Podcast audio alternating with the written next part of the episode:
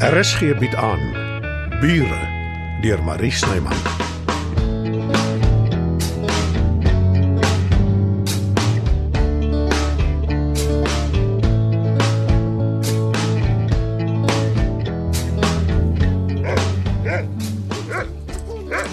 Genade, Boksie. Jy's omtrent uit jou kassie vanoggend. Môre. O, dis vir jou wat die hond so blaf. Môre Dita. Jy's vroeg op. Ek hoop nie ek het jou wakker gemaak nie. Nee, Matilda. Ek het nie veel geslaap gisterand nie.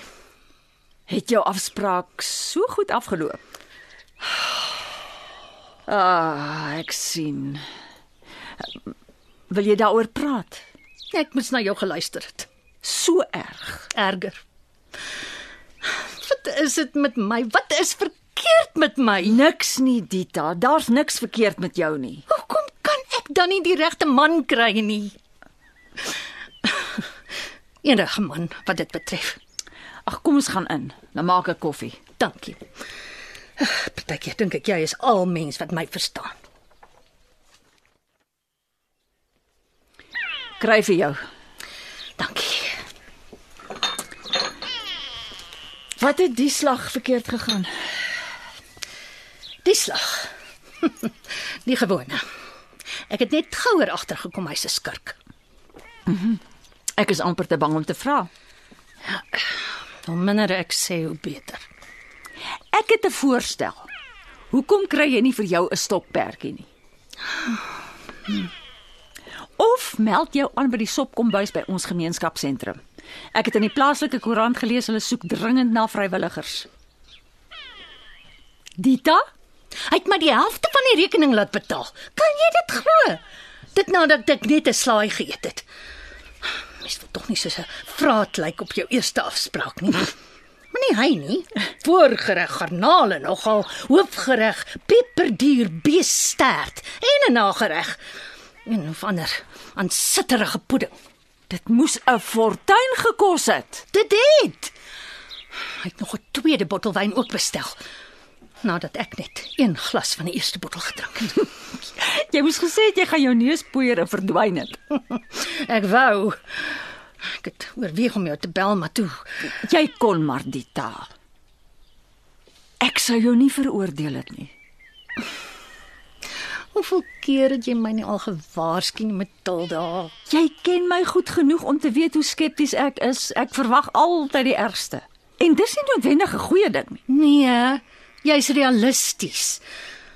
Maar jy ken my baanrekord by wyse van spreuke. Ag, dis die eerste keer dat ek jou so sien. Gewoonlik staan jy op, stof jouself af en dan draf jy verder. Dit was die heel laaste keer. Ek is klaar met mans. Ag, ek weet, ek weet, ek weet. Maar ek bedoel dit. Ek raak nou nou net te oud hiervoor. Moenie dit verkeerd opneem nie, maar Jurg is dood en dis hartseer. Maar ten minste was jy 30 jaar getroud met dieselfde man. 33.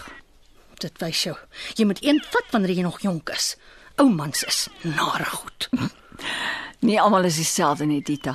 Hm, miskien. Maar as hulle eers 'n slag op wat geskei is en hulle kom dan by jou uit. Ek is die perfekte voorbeeld van hoe dit glad nie werk nie. Maar ek het genoeg gehad. Vir wat kyk jy my so? Jy glo my nie, nê? Nee. Om jou aan te haal, e- ek ken jou baanrekord.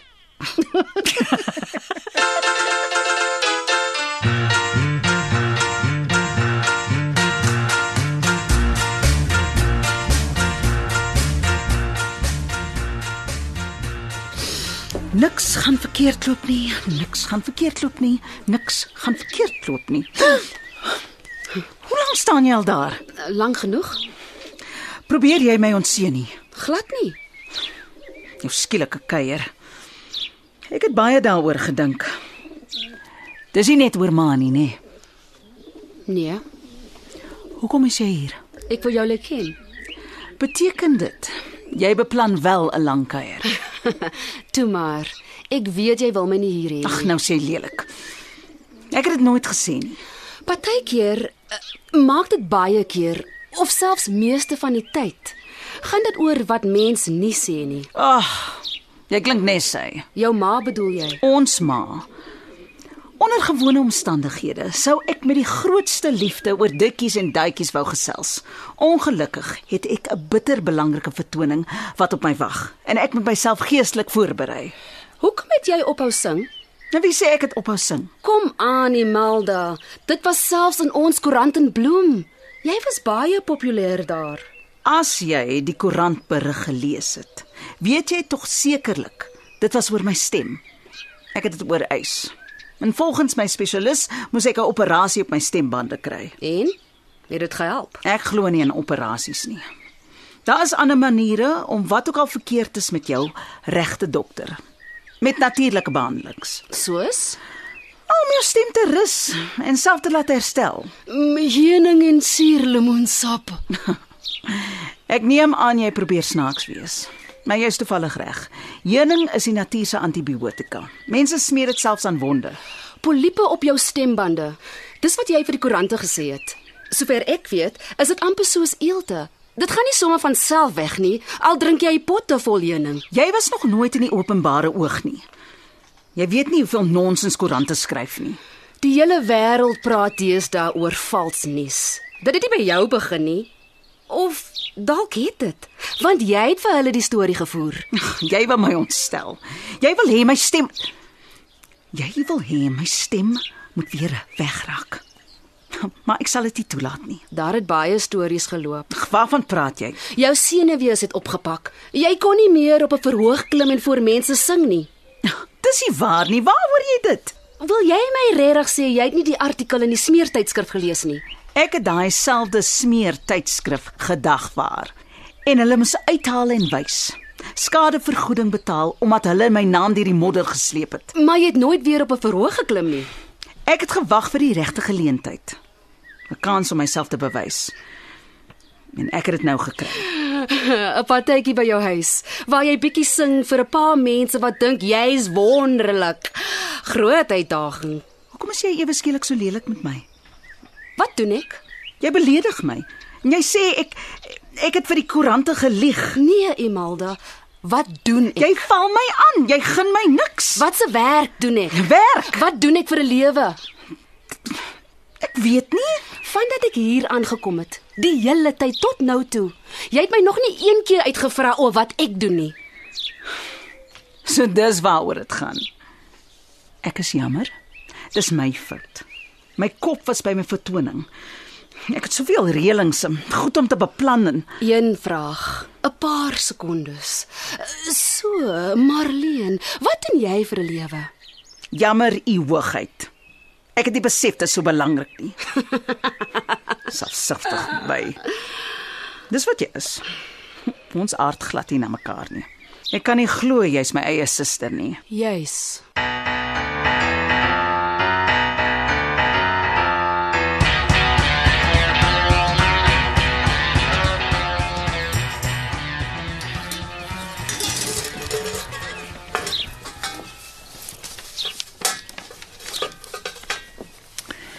Was jou gunsteling? Wel, een van jou gunstelinge. Sterk curry.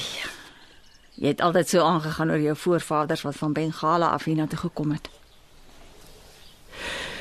Hoekom het ek nie beter geluister nie? Want nou kan ek nie onthou wat jy alles gesê het nie. Wel, Jurg, as jy nou hier was, sou jy gekla het oor my niksnut broer wat op my nek lê. Maar weet jy wat? Jy is nie hier nie. En ja, Johannes het sy foute. Maar hy hou my by my positiewe en ek het ten minste iemand om voor kos te maak. Ag, tog. Ja, kan ek help? Uh, mevrou Skuman, Dis reg? Havenga. Albert Havenga. Ek en jy moet besigheid praat. Ekskuus? Uh, jou man. O oh, oh, oh, ja, uh, jammer om te hoor van sy afsterwe.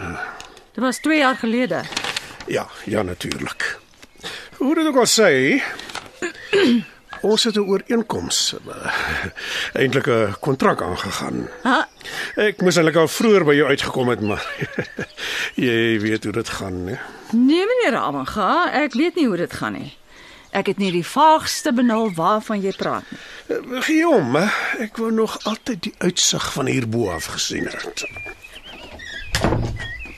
Wat het jy gedoen, Jurg? Dit is net soos wat hy dit beskryf het.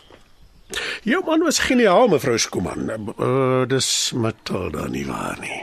Wat presies is dit wat jy met my wil bespreek? Uh, jy gee daarom seker nie om as ek jou op die naam noem nie. Wat jy my noem is nie ter sprake nie. Wat ek wil weet is wat het jy met Jurg gekonkel? ja, hy, hy het nogal gesê jy kan vurig raak as jy die slag wil. ja, uh, hier is jou afskrif.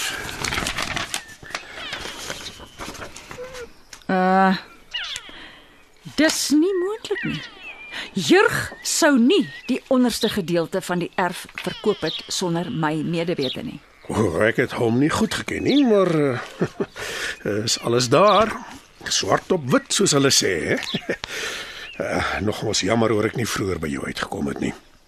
Ongelukkig het dinge met te dol gegaan. Maar ek is nou reg om in te spring.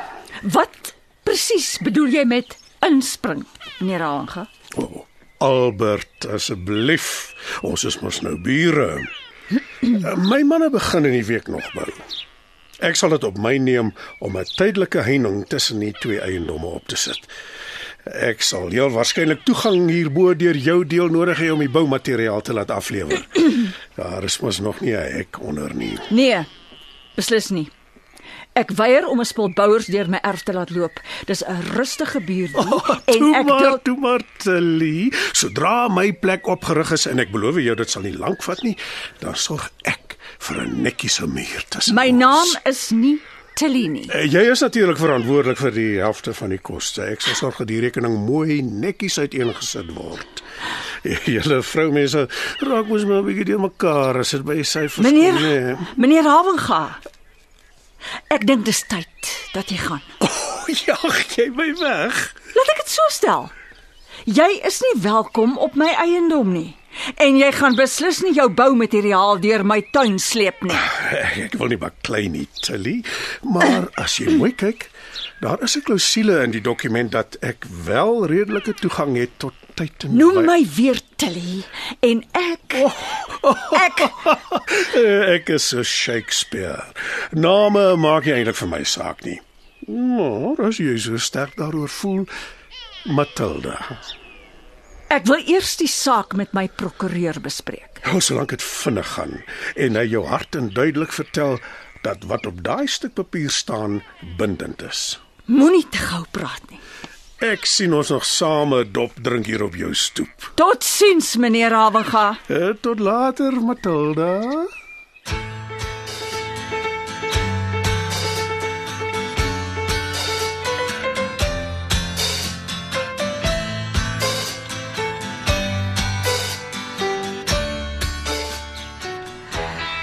Dis vir my duidelik jy het iets wat jy vir my wil sê so. Kry dit oor en verby. Ek wil hê dit moet van jou kant af kom. Wat? Waarvan praat jy? Of liewer, ek wou hê dit moet van jou kant af kom. Ek was nog nooit iemand vir speletjies en raaisels nie. Toe ouma dood is, Ouma, ja. Ouma. Jou ma en my ouma. Onthou jy haar stinkhout kussie? Sy het alles daar in daai kussie gebeere wat belangrik was. Ek het my geboortesertifikaat daarin gekry. Jy is my ma, nie my suster nie.